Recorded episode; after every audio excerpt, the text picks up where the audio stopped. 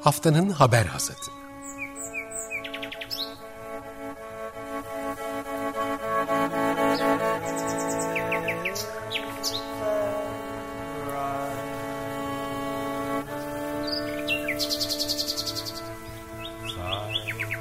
Haftanın öne çıkan iklim haberleri ve araştırmalarından okumalar ve yorumlar.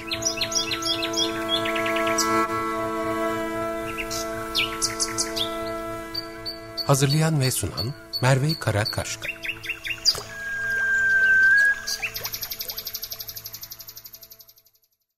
Günaydın, haftanın haber asatına hoş geldiniz. Ben Merve Karakaşka. Geçtiğimiz haftalarda Türkiye'de e, ekonomistlerden ve ekonomi alanında çalışan uzmanlardan oluşan enflasyon araştırma grubu iklim krizini çalışmalarına dahil ettiğini açıkladı. Bunun için iklim kriziyle ilgili bir birim kurulduğu açıklandı. Biz buradan hareketle bugünkü haftanın haber asatında iklim krizi ve ekonomiyi konuşacağız. Türkiye'de enflasyon özellikle bu e, Ukrayna krizi ile birlikte dünyanın geri kalanında olduğu gibi yükselmeye devam edeceği ve bağlan e, beklentisi var. Zaten e, Şubat ayı rakamlarına göre %50'nin üzerinde hatta ENAG açıkladığına göre %120'nin üzerinde şu anda enflasyon. E, ve e, Ukrayna krizi aynı zamanda şu an dünyada yaşanan gıda güvenliği konular iklim kriziyle de aslında konunun yakından bağlantılı olduğunu ilginç noktalarda e, temas ediyor. E, bunları ele almak üzere bugün ENAG'ın enflasyon araştırma grubunun Fransa temsilcisi Kaan Bastil bizimle birlikte olacak. Bu sorularda gerek Türkiye'de gerek dünya genelinde enflasyon, ekonomi ve iklim krizi konularında bize yol gösterecek. Hoş bulduk, teşekkür ederim. Kaan, aslında önce kısaca seni tanıyalım isterim. Neler yapıyorsun? tabii ki. Ben e, geçen yıl Boğaziçi Üniversitesi İktisat Bölümünden lisansımı aldım. E, şimdi de Toulouse İktisat Okulu'nda yüksek lisans çalışmalarına devam ediyorum iktisat alanında. E, Eylül ayında, geçen Eylül ayında enflasyon araştırma grubuna girdim ve girdiğimden itibaren e, iklim değişikliği, iklim değişikliğinin iktisada etkisi gibi konularda araştırma yapmaya kendim başladım. Şu an biz iklim grubunda üç kişiyiz. Ben ve iki çalışma arkadaşım. Giriş seviyesi araştırmalar yapıyoruz. Şu an hangi araştırmalar yapılıyor? Ee, şu an uluslararası kurumlar nasıl politikalar izliyorlar? Ne yapılabilir, ne yapılmalı gibi konular üzerine araştırma yapıyoruz. Ee, bu şekilde özetleyebilirim çalışmalarımı. Çok güzel. Yani Türkiye'de çok önemli bir eksikliği e, bence adresliyor çalışmalarınız. E, ya aslında çok böyle e, temel bir soruyla başlamak istiyorum. E, hali hazırda seni hemen yakalamışken bu konularda e, güncel konuları takip ettiğini söylediğini e, düşünerek iklim krizi ve ekonomi arasında bir ilişki var. İlişki dediğimiz zaman biz aslında neyi kastediyoruz? E,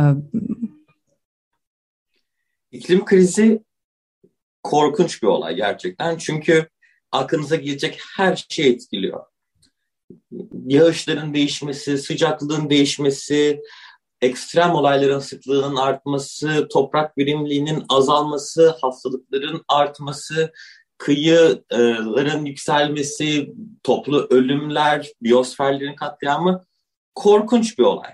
Ve yedi kıtanın yedisinde de ortalama sıcaklıklar artıyor mesela. Bu çeşit çevresel gelişmeler, e, tabii ki biz insanlar olarak ekonomik faaliyeti bir boşlukta yapmıyoruz. Bu çevresel ortam içerisinde ekonomik faaliyetlerimizi sürdürüyoruz. Ee, bu nasıl etkiliyor bizi mesela? Tarımdan etkiliyor. Sıcaklık arttıkça toprağın verimliliği azalabilir.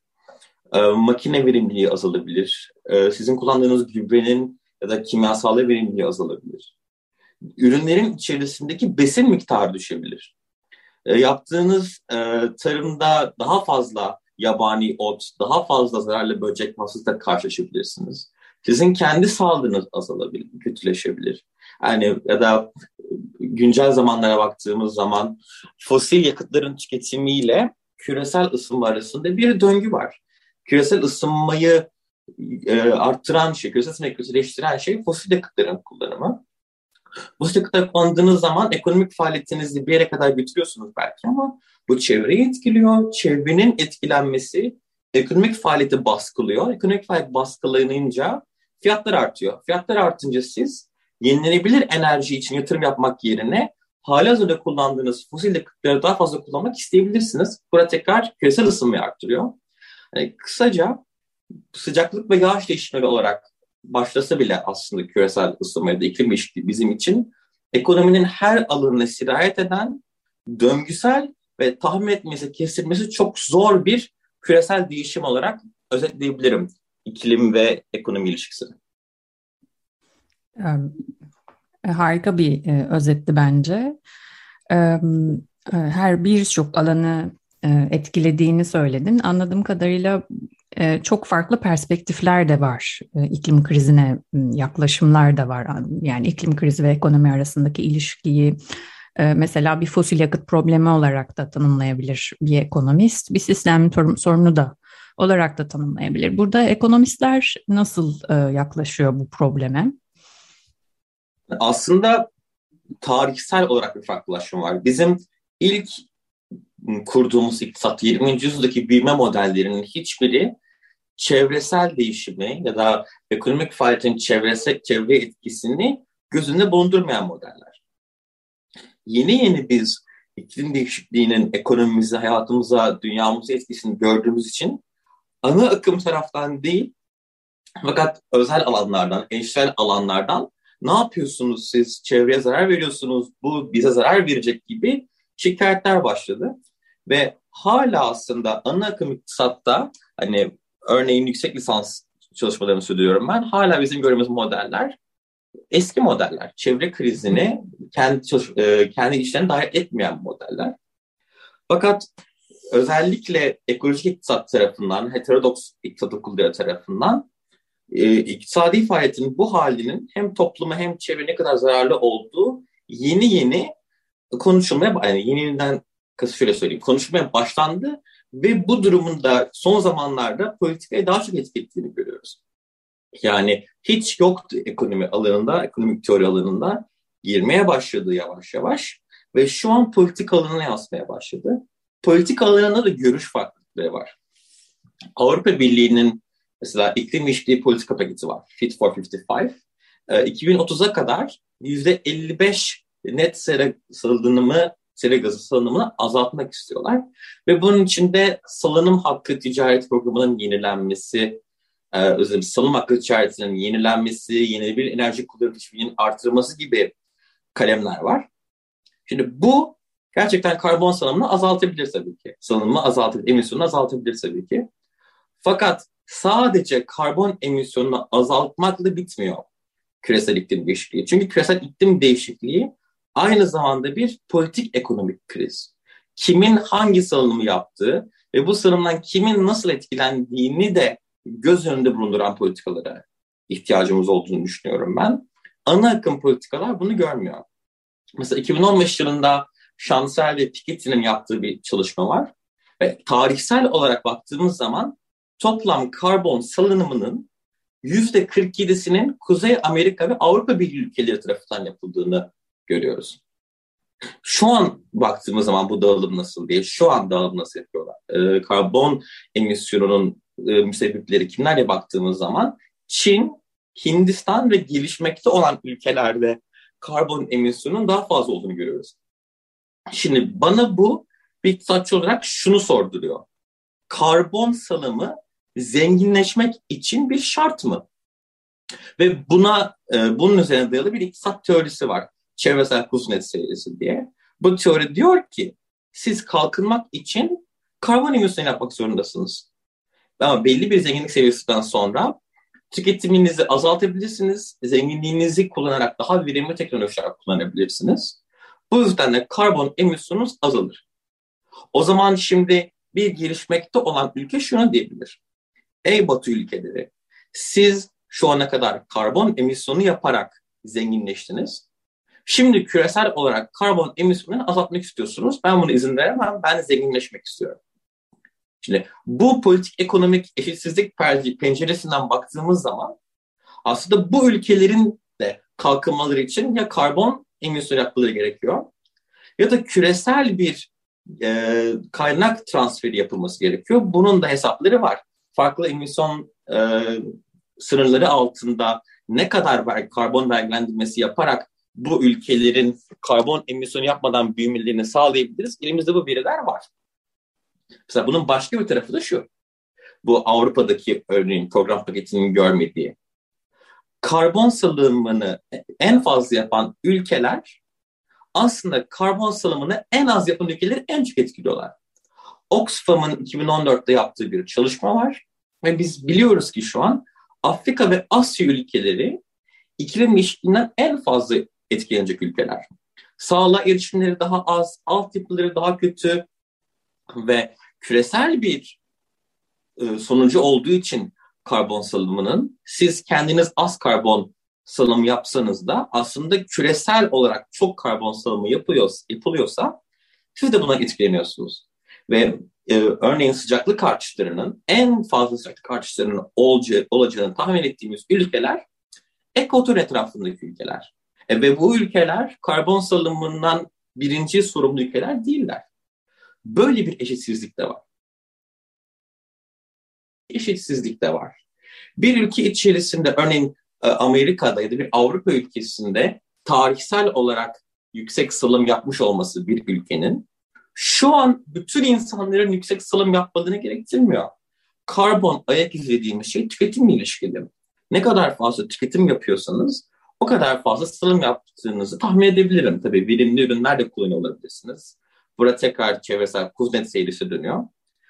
Özetlemek gerekirse iktisat nasıl yaklaşıyor e, iklim değişikliğine diye. Öncelikle 20. yüzyılda, 20. yüzyılın başlarında özellikle hiç programımız da yoktu.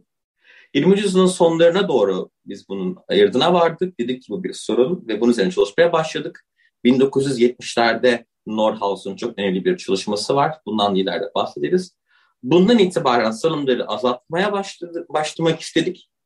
Fakat şu an tekrar anlıyoruz ki dağılımsal sorunlar var, küresel dağılımsal sorunlar var, ülkeler için dağılımsal sorunlar var. Peki bunlar için yapılmış bir politika paketi var mı diye sorduğunuz zaman var.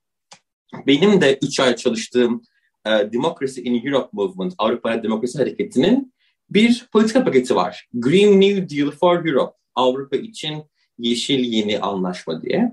Bu anlaşmada bütün bu karbon emisyonlarının azaltılması istekleriyle beraber örneğin fosil yakıt endüstrilerine çalışan mavi yakalı işçiler için iş garantisi de var. Toplu taşıma kullanımının çok ciddi teşvik edilmesi var. Bir kamu yatırımı e, bankasının kurulup bu bankanın sadece yeşil teşvikler yapması var. Çünkü özellikle son IPCC raporundan itibaren biliyoruz ki biz çok ciddi bir yatırım eksiği var e, iklim değişikliğine adaptasyon konusunda. E, yavaş yavaş politik alanına da bu şekilde dağılımsal etmenleri de sokan politikaların geliştirdiğini görüyoruz.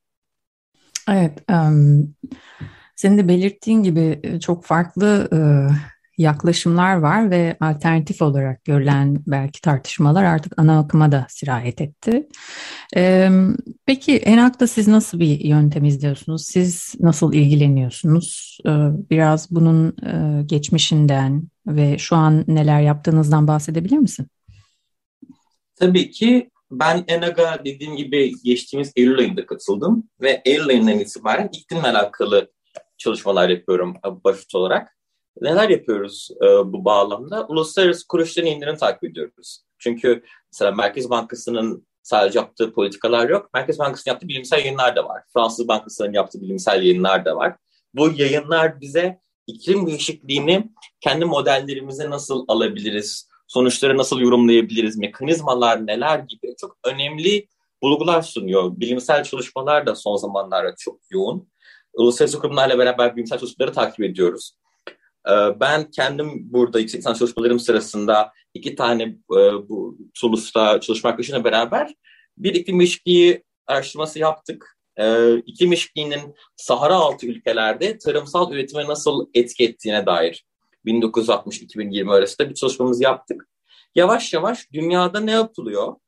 Doğru yöntemler neler? Ve biz bu yöntemleri nasıl uygulayabiliriz sorularını sorup bir bilgi birikimi edinmeye Sonra bilgi birikimini uygulamaya çalışıyoruz.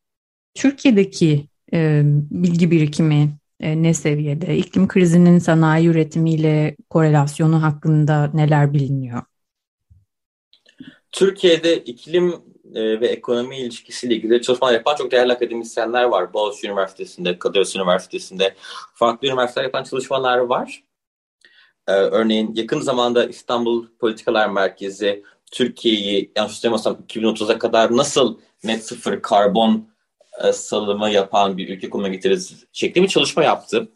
Ee, Türkiye'de peki iklim krizi ve sanayi ilişkisi diye baktığımız zaman şeye geri dönelim. Çevresel kuzunet seyrisi geri dönelim. Ne diyordu çevresel kuzunet seyrisi? Sizin kalkınmak için, zenginleşmek için karbon emisyonu yapmanız gerekiyor. Belli bir noktadan sonra belki artık daha verimli teknolojilere paranız yettiği için belki de artık bu konulara önem verebilecek bir e, şeyde zihinde olduğunuz için e, Maslow'un ihtiyaçları hiyerarşisini düşünelim. Artık karbon salınımınızı azaltabiliyorsunuz. Türkiye'de peki e, bu teorinin geçerliliği var mı diye baktığımız zaman Türkiye'de bu teori yanlış yapmış çok çalışma var. Hatta çevresel kuzunet eğrisinin de geçerliliği tartışılıyor. Tuttuğu ülkeler var, tutmadığı ülkeler var, tuttuğu ülke grupları var, tutmadığı ülke grupları var. Fakat Türkiye'de e, benim önümde şu an en az 3 tane çalışma var ve bu çalışmalar Türkiye'de e, öncelikle sanayileşelim, karbon salımımızı arttıralım. Sonra karbon salımımızı düşürelim belli bir zenginlik seviyesine geldikten sonra e, teorisinin tutmadığını görüyoruz. Türkiye'de peki Türkiye gündeminde son zamanlarda en çok konuştuğumuz konulardan biri de enflasyon. Ee, çok e, ciddi yüksek enflasyonun yaşandığı e, dönemler göründü. Daha da e, yükseleceğine dair kötümser tahminler de var. Hatta en yakın tahminleri yüzde yüzü aşmış durumda şu anda enflasyonla ilgili verileri. Enflasyonla iklim krizi bağlantılı mı? Bu alandaki çalışmalar ne söylüyor? Biz biraz daha önce bunu Açık Radyo'daki programımızda el yordamıyla irdelemeye çalışmıştık. Ee, ama konuyu bilen, hakim olan birinden bunu duymak hakikaten çok iyi olacak. Tabii ki iklim krizi en başta dediğim gibi her şeyi etkiliyor. Bu her şeyden bir tanesi enflasyon. Yani şöyle düşünelim. Enflasyon ne demek? Fiyatların artması demek. Demek ki enflasyonu yani fiyatların artmasını etkiliyor mu? Fiyatları etkiliyor mu? İklim değişikliği diye sormamız gerekiyor. Üretimi de etkiliyor, tüketimi de etkiliyor iklim değişikliği. Örneğin tarımsal üretimi ele alalım. Siz bir tarım işçisiyseniz ve eğer elle tarım yapıyorsanız sizin sağlığınızı kötüleştirecek iklim değişikliği. Eskisi kadar çalışamayacaksınız. Bu yüzden üretiminiz düşecek. Sırf bu yüzden fiyatlar artacak örneğin. Ve da açlık başlayacak. Ya da diyelim ki makineyle tarım yapıyorsunuz. E, makineye petrol koyuyorsunuz. Petrol fiyatlarının e, iki meşruiyle beraber artmasını bekliyoruz. Çünkü e, gerek azalacak bu kaynaklar yavaş zaman içerisinde, gerekse ne zaman ki bir yenilenebilir enerji atılımı olacak, o zaman çok ciddi bir sanayi potansiyelinden hani gerek e, fosil yakıt kullanan üretimin gerekse fosil yakıt çıkarma sanayisinin çok ciddi bir değişime uğrayacağını görüyoruz. Bu da kendi başına fosil yakıtların fiyatlarını arttıracaktır.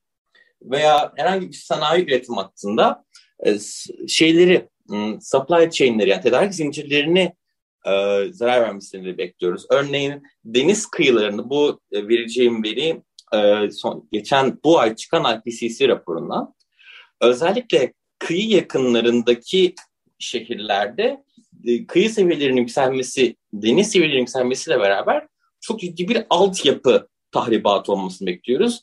Ve sadece kıyıya yakın şehirlerde 7 ila 14 milyar dolar arası bir altyapı bedeline sebep olacak iklim değişikliği. Bunun dışında e, tropik event e, şeylerin, tropik eventlerin mesela e, tornadoların, yük, çok yüksek sıcaklıkların, çok yüksek yağışların, çok alçak yağışların, kuraklıkların daha sıklaşmasını bekliyoruz. Çok yağış olursa da, çok az yağış olursa da ne tüketim yapabilirsiniz ne üretim yapabilirsiniz. Çok yüksek sıcaklık, çok düşük sıcaklık bunlar üretimi, tüketimi etkileyen şeyler. Bunların hepsi de fiyatları sirayet ediyor. Nasıl ki koronavirüs sürecinde ne üretim yapabildik ne tüketim yapabildik, fiyatlar arttı. Benzer şekilde iklim değişikliğinin de ekonomilerim, ekonomilerimiz etkisinin artmasıyla fiyatlar artacak, tüketim azalacak, üretim azalacak. Yani e, Nazik Betim şiirinde dediği gibi penceren kalmayacak ne bulvarlı sokak, ne Akyastık'ta üzüm karısı saçlar, ne ağaçlar. Yani hiçbir şey kalmayacak ortada. Ekonominin her tarafını tarif etmesini bekliyoruz iklim değişikliğinin. E, bunu bu şekilde aktardığında aslında benim aklıma şu geliyor. Ekonomistler bu IPCC raporundan bahsettin aslında. Belki bu raporları nasıl okuduğunu burada altını çizmek istediğin noktalar varsa onlardan bahsetmeni istesem. Tabii ki. IPCC raporu, yani IPCC Intergovernmental Panel on Climate Change, devletler arası iklim eşitliği paneli bir bilim insanları topluluğu. İklim değişikliğinin bilimsel e, altyapısını, sonuçlarını ve buna nasıl alışabiliriz gibi soruları cevaplamaya çalışan bir topluluk yayın yapıyorlar. Şu an e, 6. denenme raporu döngüsündeler. Üç rapordan oluşan kadarıyla her e, döngü. Evet. Ve bu raporun mesela mesela elimde şu an son rapor var. Bundan İkinci birkaç rapor. tane e, değer verelim. Sonra bu değerleri ben nasıl yorumluyorum bir iktisatçı olarak bunu konuşalım. Örneğin kara ve tatlı su sistemlerinde nesli tükenme tehlikesi çok yüksek olan türlerin oranı yüzde 48'e çıkabilir. Orman yangınlarının hem görülme sıklığı hem de görülme uzunluğu artabilir. Veya suyu ulaşıma baktığımız zaman 2 e, derece artarsa e, küresel sıcaklıklar endüstri ön dönemlere göre 3 milyar 4 derece artarsa 4 milyar kişi su yokluğu çekebilir. Ekstrem kuraklık görülme e, olasılığı katını çıkabilir. Ya da gıda ve tarım alanına bakalım. Gıda ve tarım alanında toplam ekilebilir alanın üçte biri ekilemez hale gelebilir 2100'e kadar. Yani şu an bu podcast dinleyen bazı insanların görebileceği uzunlukta. Tarım ürünlerindeki mineral besin azalabilir. Ya da sağlık, çok ciddi ölümcül hastalıklar ya da bu tropik ekstrem olayların, tornadoların ya da muson olaylarının ya da kuraklıkların men, yap, yapabileceği mental zarar, fiziksel zarar, istemsiz göçler, çatışmalar, ekonominin hayatın her alanına etkileyecekmiş dediğimiz bir değişikliği. Fakat bunun üzerine ne yapalım diye sorduğumuz zaman ben burada öncelikle iktisatçı kimliğimi çıkartıyorum. İktisatçı şapkamı çıkartıyorum. Bir vatandaş, bir oy veren ve bir dünyada yaşayan bir canlı olarak yaklaşıyorum. Ve ben diyorum ki ben böyle bir dünyada yaşamak istemiyorum. Ben dehidrasyonun, organ yetmezliğinin, kalp damar hastalıklarının arttığı, altyapının tahrip edildiği, karnımın doymadığı, dışarı çıkamadığım, su içemediğim bir dünyada yaşamak istemiyorum. O zaman benim bir öncelikle oy veren olarak Türkiye içerisinde mesela, Türkiye içerisinde iklim değişikliği ve çevre politikalarına en fazla önem veren partiyi desteklemem gerekiyor belki. Belki bu konuda çalışan sivil toplum kuruluşlarını, bağımsız gazetecileri takip etmem gerekiyor belki. Belki uluslararası alanda bu mesela COP26 oldu geçtiğimiz aylarda ya da Paris Anlaşması tarafı oldu Türkiye geçtiğimiz aylarda. Bu tip faaliyetleri teşvik etmem gerekiyor. Sokağa çıkıp polis yapmam gerekiyor. Gerçi Türkiye şartlarında e, ne kadar mümkün, ne kadar verimli bilmiyorum ama yani en nihayetinde biz iktisatçılar olarak, doğa bilimciler olarak, yani kısacası bilim dünyası olarak farklı iklim senaryolarında dünyamıza ne olabileceğini kestirebiliyoruz. Bundan sonra ne olacağı tamamen bizim yönetimi nasıl etkilediğimize bağlı. Gerçekten e, ileride de konuşuruz. Ee, Ukrayna'yı konuştuğumuz zaman. Biz bir kırılma anında, bir enerji krizinde mesela, şu anki enerji tüketimimizi değiştirip yine daha eski kömür gibi fosil yakıtlara mı döneceğiz enerji ihtiyacımızı sağlamak için? Yoksa bunu bir fırsat olarak görüp yenilebilir enerjiye mi yatırım yapacağız? Bu soruların cevapları bence yönetim organları nasıl etkilediğimize bağlı. Ben bir iktisatçı değil bir vatandaş olarak böyle değerlendiriyorum IPCC sonuçlarını. Ee, ben açıkçası yaptığında bu anlamda biraz aktivizm de görüyorum. Tabii bunu senin söylemen daha doğru olur ama en azından bu e, alanda çalışan bir ekonomist olarak e, kendi etki alanında e, ENAG'a böyle bir perspektif getirmen de bu anlamda çok değerli. Veya bir, mesela burada o örneği de verebiliriz. Bir ekonomistseniz eğer bu alanı etki alanınızı kullanmak için kullanabilirsiniz diyerek de belki çeşitlendireyim senin cümleni tamamlayarak.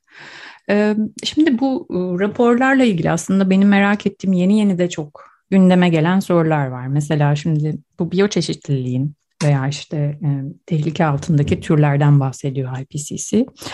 E, bunların mesela modellenmesi, ekonomi, ekonomi hesaplamalarına dahil edilmesiyle ilgili neler yapılıyor? Bu, bu konularda işte ne tarz çalışmalar var? Bize biraz orada da e, yol gösterebilir misin? tabii ki. Bu çalışmaların, yani, şimdi öncelikle şundan bahsetmek gerekiyor. İktisat, ben iktisatçıyım ama ben bir çevre iktisatçısı değilim. Ben bir ekolojik iktisatçı değilim. Benim uzmanlık alanım iklim değişikliği ya da çevre iktisatı değil. Ben bir iktisatçı olarak daha özelinde de bir ekonometri yani ekonomik ölçüm tarafında çalışan biri olarak bildiğim yöntemleri iklim ve çevre bağlamına nasıl uygulayabilirim bundan en doğru politik önerileri nasıl çıkarabilirim diye düşünüyorum. Bu tarihsel olarak baktığımız zaman iktisatta bunlar nasıl geldi diye. Ana iktisatta bunun başlangıcını Norhaus'un 70'lerdeki çalışmalarına atfedebiliriz. Norhaus iktisattaki yöntemlerle iktisat dışındaki farklı bilimlerden yöntemleri bir araya getirerek şunu bize gösterdi. Bir DICE diye bir modeli var. Dinamik Entegre Değerlendirme Modeli diye. Bu modelle beraber en çok tüketimi yani en çok faydayı sermaye birikimini en doğru şekilde yaparak ve tüketimi en aza indirerek nasıl yapabiliriz sorusunu cevaplamaya çalıştı Norhaus ve 50 yıldır da bu modelin çıkması itibaren bu model yenileniyor.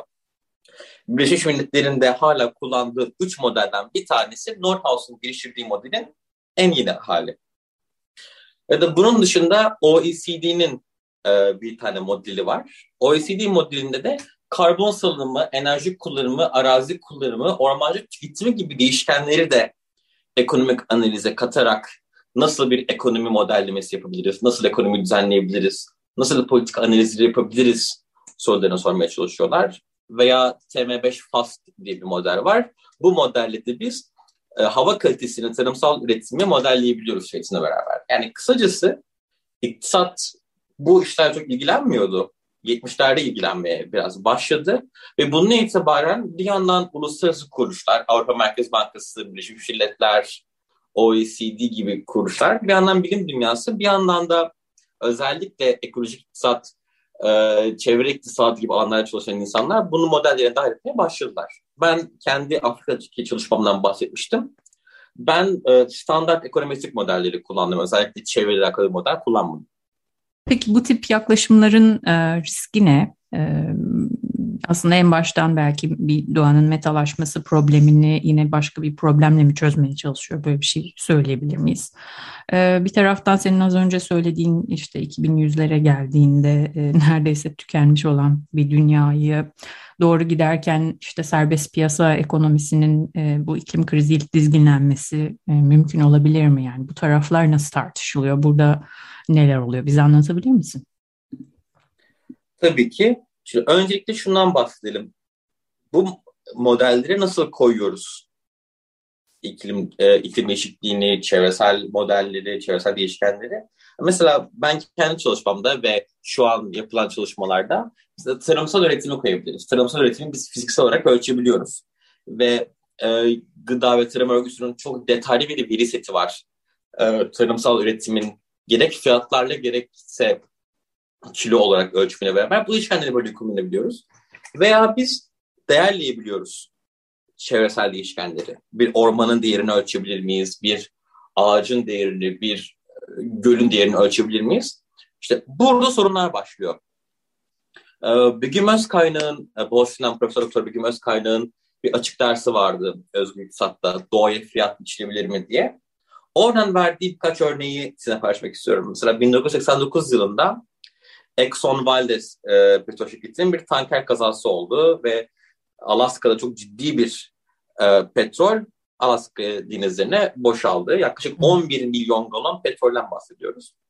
Ve bu olayla beraber bu doğayı değerleme literatürünün başladığını söylüyor Begüm Hoca ve Alaska'ya boşalan 11 milyon galon petrolün mahkemede Exxon Valdez Janssen cezası 1989'da 600 milyon dolardı.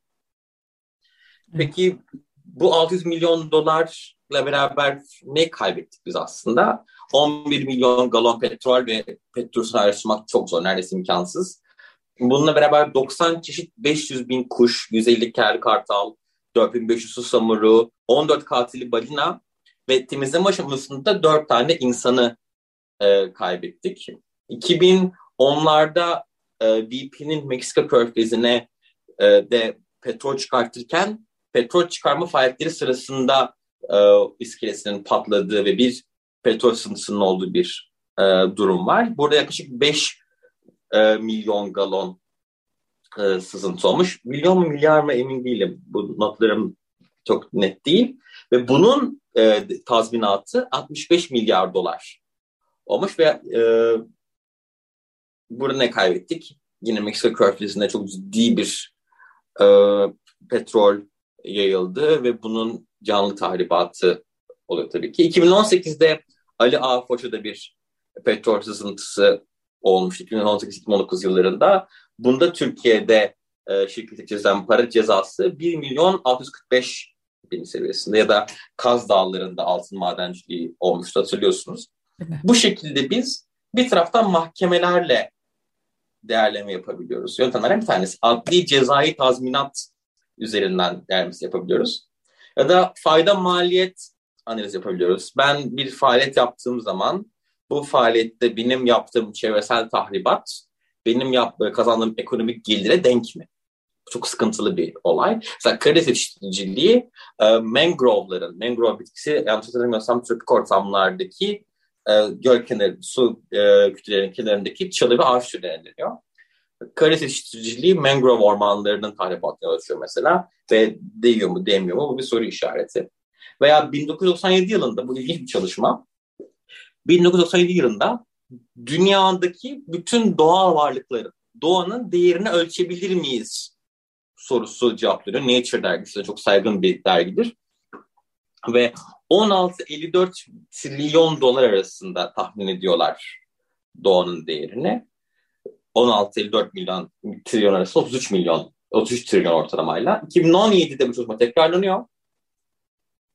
2017'de biz şu an doğamızın değerini 145 trilyon dolar olarak ölçüyoruz. Evet. Ve bu bu arada 20 yıl içerisinde ekosistem kaybının e, çünkü çok ciddi bir toprak erozyonu var. Çok ciddi doğal degradasyon var. Doğamız çok ciddi zarar gördü bu dönemde.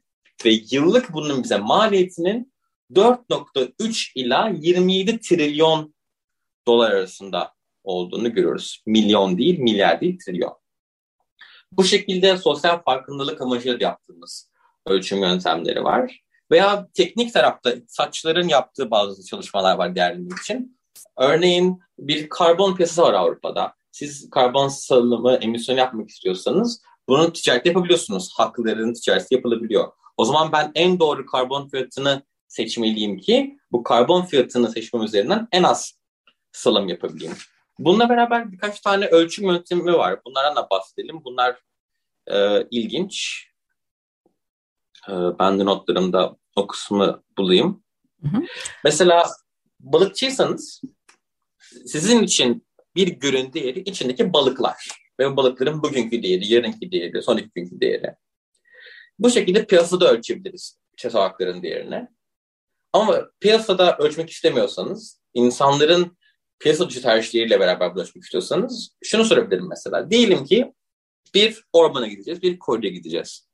Bu koruya gitmek için vereceğiniz azabi otobüs fiyatı sizin için bu ormanın değerini gösteriyor olabilir. Veya son ölçüm yöntemi, sonra bunların eleştirilerine gelelim. Son ölçüm yöntemi de şu olabilir. Diyelim ki evinizin yakınında bir bahçe var. Size şunu sorabilirim. Bu bahçenin bozulmaması için, bu bahçenin dağıtılması için kaç lira verebilirsiniz? Verdiğiniz cevap bu şekilde sizin için çevresel bir varlığın değeri oluyor. Peki bunların sorunları neler? Tabii bunların sorunları şunlar. Öncelikle siz doğaya bir fiyat biçtiğiniz zaman doğaya fiyat biçebildiğinizi varsayıyorsunuz ve şunu söyleyebiliyorsunuz mesela. Benim yaptığım karides çiftçiliği mangrove ormanlarının tahribatı için müstehak. Çünkü daha fazla gelir elde ediyorum ben mangrove ormanlarının diğerinden. Bu şekilde gider gelir karşılaştırmasını yapmamızı sağlıyor çevresel varlıkların değerlendirilmesi. Bir yandan da bu değerlemeyi kimin yaptığı çok önemli. Ee, daha önce bahsetmiştik bunun bir politik ekonomisi olduğundan, bir dağılımsal önemi olduğundan. Eğer siz bir örneğin gelişmiş ülke vatandaşıysanız doğanın değeri sizin için daha az olabilir gelişmiş bir ülkedeki bir vatandaşa göre. Çünkü sizin bir iklim değişikliği ortamında yani bu çevresel varlığın kaybı durumunda sağlık hizmetlerine erişiminiz daha fazla, gıda güvenliğiniz daha fazla, altyapı güvenliğiniz daha fazla. Fakat bir gelişmekte olan ülkede daha biz sağlıklı enerjinin bile aslında tedarini sağlayamıyoruz. Sürdürülebilir bir şekilde evlere enerji götüremiyoruz. Bu ortamlarda doğanın değeri çok daha fazla. Artı bunun bir adalet boyutu da var. Ee, Begüm Hoca'nın, Begüm Özkaynak'ın çalışmaları da bazıları bunun üzerine ve, de, ve tez öğrencilerinin çalışmaları bunun üzerineydi. İnsanlara, insanlar sonuçta protesto ediyorlar istemediği şeyleri ve bunlar, bundan yaşadıkları kayıplar var maddi manevi ve insanlara sorduğunuz zaman şöyle diyorlar size. Hayır ben bir kazmat istemiyorum. Ben bu doğa içerisinde yaşamak istiyorum. Biz adaletin ya da bu şekilde kurduğumuz sosyal ilişkilerin değerini nasıl ölçebiliriz ki? Her, yani özetle şunu söyleyebilirim. Her ne kadar özellikle politika alanında, ekonomi politikası alanında faydalı olsa da e, çevresel varlıkların değerlendirilmesi, bunun riskleri özellikle bunun sömürebiliyor olması, özellikle bu piyasa bağlamında yap, attığım taş, ürküttüğüm şey değsin bağlamında. Hem de bazı ölçülemeyeceğimiz, şeyleri, adalet gibi, sosyal bağlar gibi, dini bağlar gibi bazen bunları tahrip etmesi ve bu tahribatın bu ölçümlere giremiyor olması diyebilirim. Valla o kadar e, önemli şeyler söyledin ki ve e, hakikaten ufkum açıldı belirli noktalarda. Ama kafamda hep şu soru dönüyor. Yani e, geleceğe doğru eksponansiyel olarak artan bir zarardan bahsederken ve zincirleme bağlıyken bu, bu işte ekosistemlerin çöküşü birbirine hangi noktada kesip nasıl çıkarıp nasıl sabitleyeceğiz o aslında çok dinamik bir etkiden bahsediyoruz. O yüzden çok ilginç sorular ama dediğin gibi riskleri çok fazla. Ee, biraz daha belki e, alternatiflere o anlamda, alternatif aslında neden alternatif olduğu da ayrı bir soru ama e, IPCC raporlarından vesaire bahsettik ama mesela IPCC raporlarına çok girmeyen hem aslında iklim krizine hemen yarın çözüm bulabilecek konular var. Mesela küçülme senaryoları gibi. E, işte mesela IPCC karbon yakalama ve işte saklama teknolojilerini küçülme senaryolarına tercih ediyor diye bir araştırma da vardı. Bir ilk raporun ardından çıkan, hatta öncesinde pardon. E, burada biraz bize bu küçülme senaryoları, işte degrowth, hani işte donut economics gibi e, kavramlar var. E, bunlardan bahsedebilir misin? Tabii ki. Senin de dediğin gibi aslında çok dinamik bir sistem dünya. Neyin neyi nasıl etki ettiğini ölçmek çok zor, çok karmaşık. Ve şu an gerçekten de anladığım kadarıyla bilimde bu şekilde kompleks sistemlerin analizi çok niş bir alan, çok özel bir alan ve iklim eşitliğini anlamak için çok önemli bir alan. Ve sonra kadar bahsettiğimiz gibi sanayi devriminden itibaren enerji tüketimiyle beraber büyüyelim. Konsumerizm, tüketicilik yapalım son özellikle e, yüzyıl içerisinde. Paradigmamız bu şekilde. Nasıl daha iyi zenginleşiriz? Nasıl daha verimli bir ekonomi yapıp daha fazla zenginleşebiliriz? Bunları düşünüyoruz. Ülkelerin zenginliklerinden bahsediyoruz. Bizim için önemli kriterler büyüme, gayri safi milli hasıla, gayri safi yurt içi hasıla. Bu paradigmanın değişmesi gerekiyor bana sorarsanız. Çünkü bu paradigma, bu sınırsız büyüme paradigması iklim eşitliğinin müsebbibi ve mesela birazdan e, degrowth'tan, küçülmecikten bahsedeceğiz. Şu an sıfır büyümeye gelse, şu an ekonomimiz bundan sonsuza kadar ya da sonsuzda ne varsa artık aynı büyüklükte kalsa ekonomilerimiz, tüketimlerimiz, kaynaklarımız sınırlı ve tüketimimiz bu şekilde sınırsız gibi olduğu için bir süre sonra dünyanın kaynaklarını tüketeceğiz. Ve bunun tabii iklime, dünyamıza çok kötü yansımaları olacak. O zaman bizim paradigmayı değiştirelim. Zenginliği merkezden çıkartalım. Mutluluğu, sağlığa erişimi, eğitime erişimi, cinsiyet eşitliğini alalım merkeze. Doğanın korunmasını alalım merkeze. Bu paradigma değişimi aslında intern yani bununla beraber iktisadi organizasyonun da değişimini getirecek. Küçülmecilik akımı, degrowth akımı en temelde bu gözlem üzerinden başlıyor. Kaynaklarımız sınırlı ve isteklerimiz öyle görünüyor sınırsız olduğu için bir yerden sonra kaynaklarımız tükenecek. Bu bir. İkincisi şu anki üretim felsefemiz cinsiyet eşitsizliğine, doğanın katliamına, ekonomik eşitsizliğe dayanan ve bunları tekrar eden bir sistem. Senin de dediğin gibi meta olmayan yani ticareti olmaması gereken şeylerin metalaşmasına sebep olan bir sistem. Bu sistemi çıkartalım. Ve öyle bir sistem koyalım ki amacımız toplumsal paylaşım olsun, basitlik olsun, beraber yaşam olsun, e, bakım olsun, müşterekler olsun. Bu şekilde diyorlar ki e, küçülmeciler, hatta çok güzel bir benzemeleri de var. Biz fili zayıf bir fil yapmaya çalışmıyoruz. Fili yılana dönüştürmeye çalışıyoruz diye.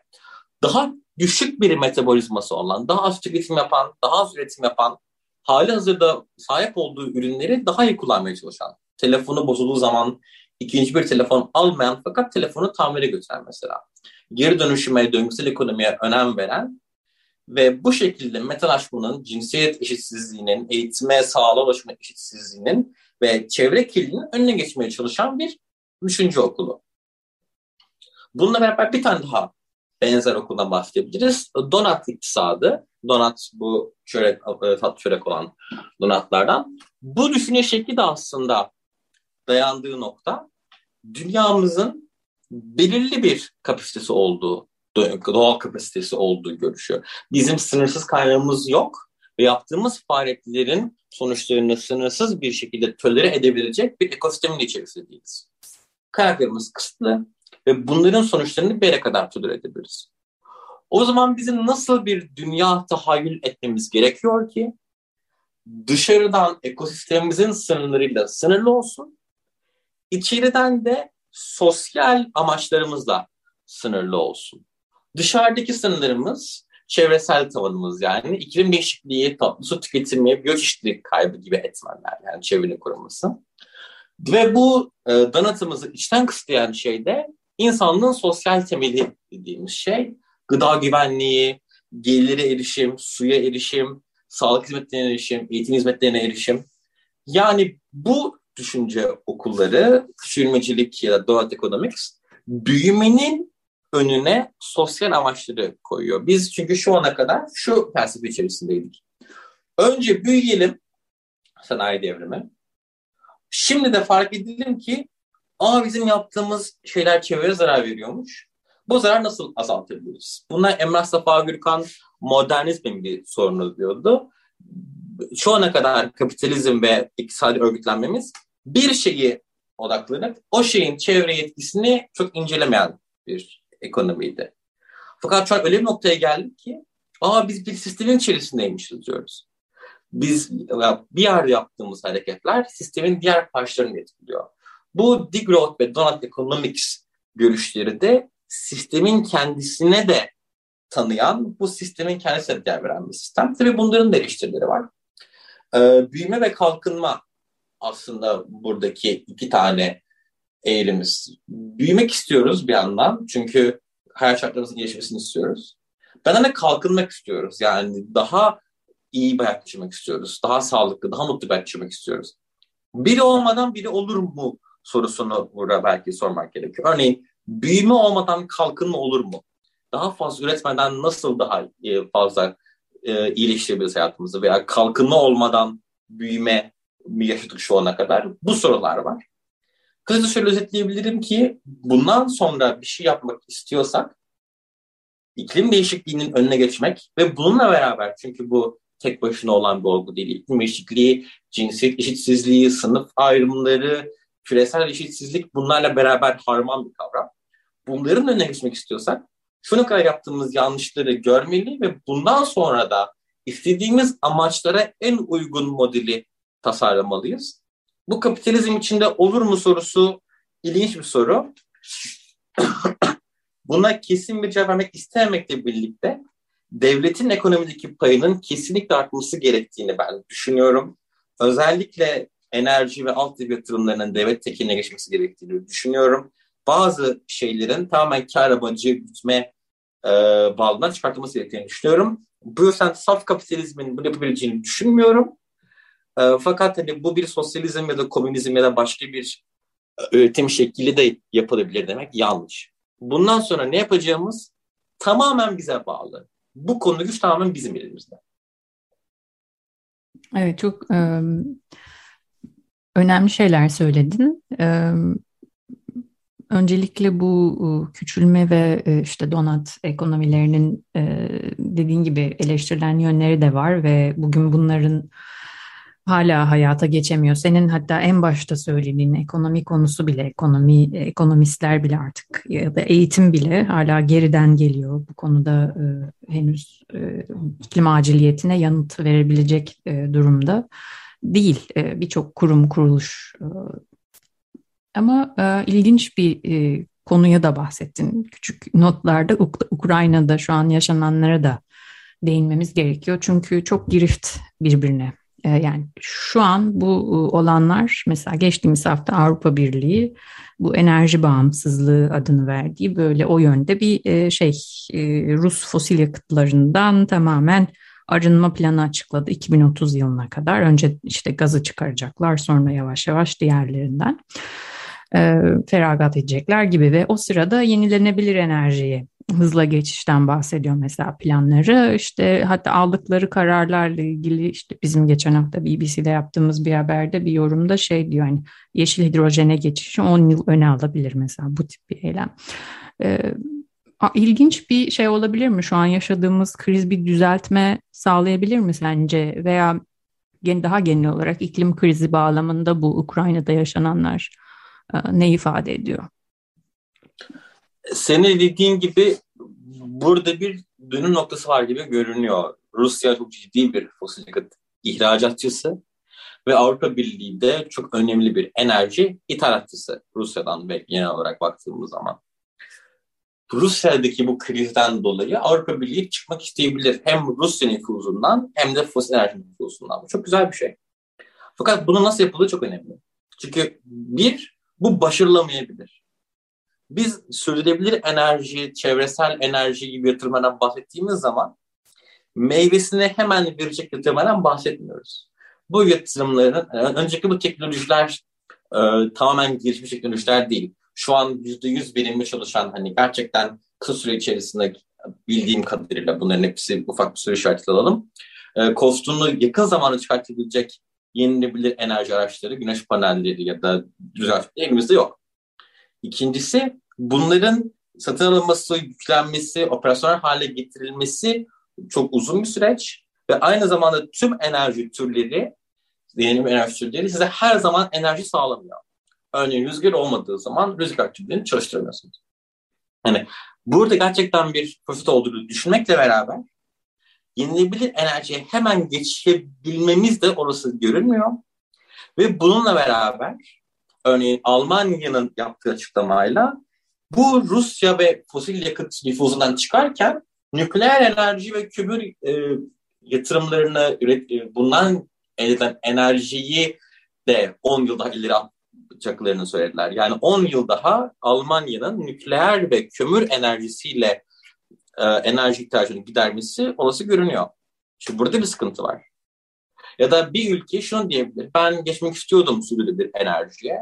Fakat altyapı metal değil. Yeterince param yok. Yeterince insan kaynağım yok. Bu yüzden ben bir süre daha kömürle devam etmek durumundayım. Ben bir süre daha doğal gazla devam etmek durumundayım.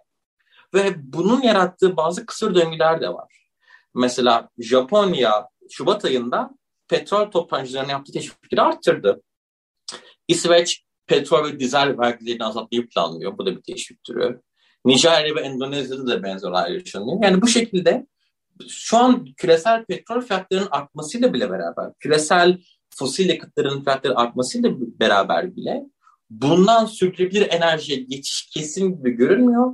Hatta bu şekilde fosil yakıtların fiyatlarının artması ve bundan sonra bu enerji tüketiminin sabitlenmesi için bu tür yakıtlara teşviklerin de artması söz konusu. Burada bahsetmiştik Japonya ve İsveç'ten. Ama bir yandan da bu yatırımların e, merkez bankalarıyla beraber, kalkınma bakanlıklarıyla beraber yani topyekün bir proje ile bütün ekonominin sürdürülebilir ekonomiye geçişini sağlamak da mümkün. Burada da yine bu kırılmaların engellenmesi için oy verenlerin ve aktivistlerin çok önemli bir rolü olduğunu düşünüyorum ben. Bu kırılma noktası, yani Rusya'daki kırılma noktası bir fırsat olabilir bizim için.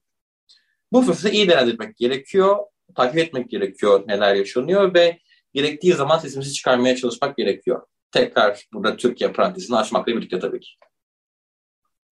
Evet ben de aynı fikirdeyim. Ee, bu anlamda fosil yakıtlardan bir an önce kurtulmak gerekiyor ama bence yani şahsi görüşüm e, aynı şekilde büyüme hele de küresel kuzeyin aynı şekilde büyümeyi sürdürme isteğinden de artık biraz feragat etmesi lazım. Yoksa hakikaten bu yenilenebilirin önünü de kapatıp kömüre doğru bir yönelmeye de sebep olabiliyor senin önceden uyardığın gibi. Ee, Kaan aslında süremizi yavaş yavaş tamamlıyoruz. Ee, bu benim son sorumdu diyebilirim. Ee, belki kısaca ne yapılabilir diye e, bir e, fırsattan bahsettin çünkü. E, bu krizle ilgili genel olarak Ukrayna'dır, iklim krizinden çok bahsettik. bundan sonrası ile ilgili belki birkaç notun vardır, paylaşmak ister misin? Tabii ki. İktisat ya da genel olarak iklim bilimi ya da işte çevre bilimi bize şu an gelecekte ne yaşayabileceğimizi söylüyor. Şu ana kadar ne yaşadığımızı da söylüyor. Bizim önümüzde yaşayabileceğimiz şeylerin listesi var. Bundan sonra ne yapacağımız tamamen bize bağlı. Mesela Türkiye'de bir Yeşiller Partisi var. Ee, uzun süre boyunca kurulması engellendi. Şu an hatta özel e, onaylarını aldılar bilmiyorum. Türkiye'de ya da dünyada bu konuya olan ilginin artması gerekiyor. Greta Thunberg bunun için çok iyi başlangıçtı. Hala çevre eylemleri, grevleri dünyada sürüyor. Demokrasiyle beraber, siyasetle beraber, ekonomiyle beraber ele alınması gerekiyor iklim krizinin. Çünkü iklim krizi sadece bir çevresel sorun değil, bir ekonomik bir sorun. Bizim yaşam saatlerimizi düşür, düşüreceğini biliyoruz. Sağlığımızı kötüleştireceğini biliyoruz. Bunlar hepsi iktisadi sorunlar. Bir yandan da siyasi bir sorun. Çünkü ben dünyadaki karbon salımının çok azından ben sorumluyum. Ya da dünyadaki çok büyük e, sayıda insan, gelişmekte olan ülkelerdeki insanlar, gelişmiş ülkelerdeki küçük gelirli insanlar karbon salımının, karbon emisyonlarının düşük bir kısmından sorumlu. Ve çok küçük bir insan grubu, gerek tarihsel gerek de güncel baktığımız zaman karbon ayak izleri çok büyük diğerlerimize nazaran. Bu yüzden çevre sorunu, iklim sorununu sadece bir çevre sorunu olarak değil de bir demokrasi, bir iktisat, bir yaşama sorunu olduğunu görmemiz gerekiyor diye düşünüyorum. Ve gerçekten bundan kurtulacaksak, bu iklim değişikliği denen illetten kurtulacaksak bir paradigma, bir düşünce şekli değişimine ihtiyacımız olduğunu düşünüyorum. Bu konuda çalışan insanlar var. Onlara teşekkür etmek gerekiyor. Çok önemli işler yapıyorlar. Umarım bu konuda haberdar olmayan veya benim gibi haberdar olup yeterince bu konuyla ilgilenmeyen insanlar da bunların farkına varırlar ve beraber daha güzel bir geleceği inşa etmeye çalışırız. Çok e, teşekkürler Kaan. Ben de dileğine katılarak umarım e, özellikle de e, genç yaşta bu işe böyle senin gibi çalışıp e, katkıda sunmaya çalışan, perspektif getiren insanların ben çalışmalarını çok önemsiyorum. Çok keyifli bir sohbetti. Katıldığın için çok teşekkürler. Ben çok teşekkür ederim davetin için. Görüşmek üzere diyelim. Başarılar. Teşekkür ederim. Kendine iyi bak. Sen de.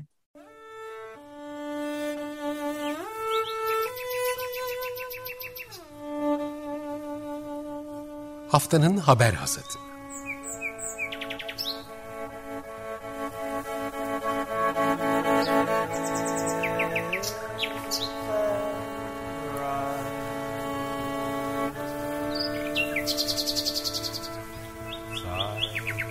Haftanın öne çıkan iklim haberleri ve araştırmalarından okumalar ve yorumlar.